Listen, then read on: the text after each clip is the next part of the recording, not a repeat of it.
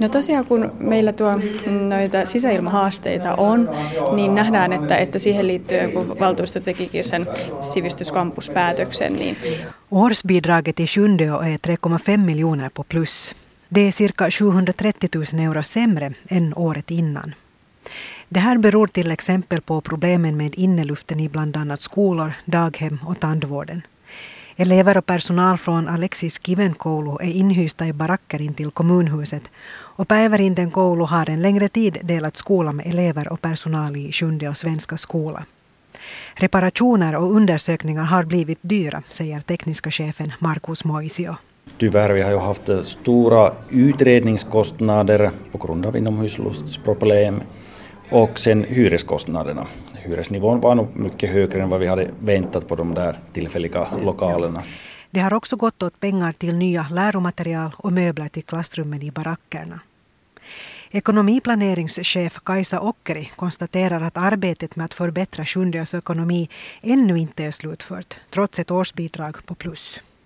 Det gäller att ha en strikt budgetdisciplin vad gäller utgifterna och se till att inkomsterna är på en bra nivå.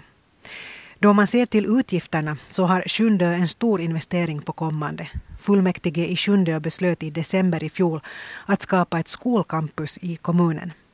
Så här säger tekniska chefen Markus Moisio. Alltså, den stora frågan är ju att hur själva campusen ska se ut. Det är ju en sån där, äh, vad är det på svenska, det här sivistyscampus. Det är ju hur ska vi ha biblioteket, ska det vara där och den här ungdomsarbeten och allt sånt där, ska det vara in, in där och sen, sen äh, den största frågan är väl att, att vad är den där bildningscampus i Sjundeå? Betyder det att vi har bara en byggnad eller betyder det att vi har till exempel två byggnader? Den svenska sidan så att den ska vara skild eller är det inbakat i det här in, in i den där stora helheten. Precis, så här är mycket jobb att fundera på. Det är väldigt stora saker, så, så nu, nu kommer vi att dra stora riktlinjer i sjunde. Ja. Vad, vad, vad, innebär det för framtiden sen då? Jag tänker sådär för kommunen rent ekonomiskt, för det kommer nya bokslut sen och så här. Tror du att det här kommer att rädda någonting? Jag tror att, alltså att det här är en sån där startskott för det bättre för Sjundeå. Mm. Det är min, min åsikt. Både så att Sjunde ska bli mera lockande för nya invånare och för att vi alla ska må bra och trivas här i Sjunde.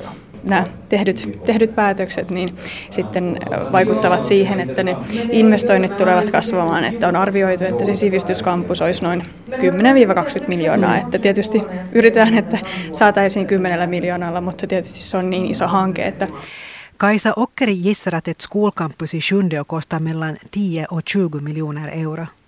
Hon hoppas att kostnaderna blir kring 10 miljoner, men det kan bli betydligt mera med tanke på hur stor investering det är.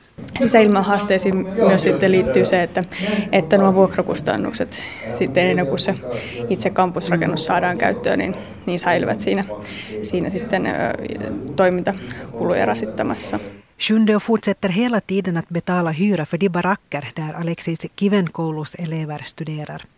Dessutom ska eleverna i Päivärinteen koulu flytta till samma område som AKK-eleverna så småningom. Det här samt alla utredningar om problemen med inomhusluften har satt press på Sjundeås ekonomi. Men alla siffror ser inte skrämmande ut. Skatteintäkterna överskreds med nästan 930 000 euro och statsandelarna var 200 000 euro mera än budgeterat. Dessutom blev utgifterna för specialsjukvården måttliga trots stora kostnader då några Sjundeåbor blev väldigt sjuka. Vi hade i slutet av året sådana här extra dyra patienter. Det betyder att, att det där en patients vårdkostnader över 60 000 euro. Vi hade de tre sista månaderna så hade vi, hade vi en, en, en patient då som vårdkostnader över en halv miljon men det betyder ju inte att kommunen står för alla de kostnader utan vi fick ju sen då tillbaka sån här utjämning för extra dyr vård. Benita Öberg är grundtrygghetschef i Sjundeå. Hon är glad över att kommunen inte ensam behöver stå för kostnaderna då ett större antal Sjundeåbor blir så pass sjuka att kostnaderna överskrider 60 000 euro per person. Helsingfors och Nylands sjukvårdsdistrikt betalar då tillbaka en del av summan. Därför blev överskridningarna inte så stora inom specialsjukvården.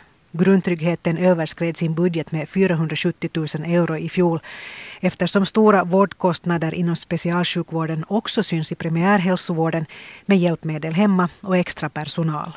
Eh, sen har hemvårdsbesökarna ökat med över 4 000 på årsnivå, vilket är en jättestor summa, vilket betyder att vi hamnar då också ta in mera vikarier för att trygga den där vården. Att det där att inom social service så har barnskyddskostnaderna gått ner, att vi har inte haft sådana där dyra placeringar 2017, att där har det gått i princip jämnt ut deras kostnader.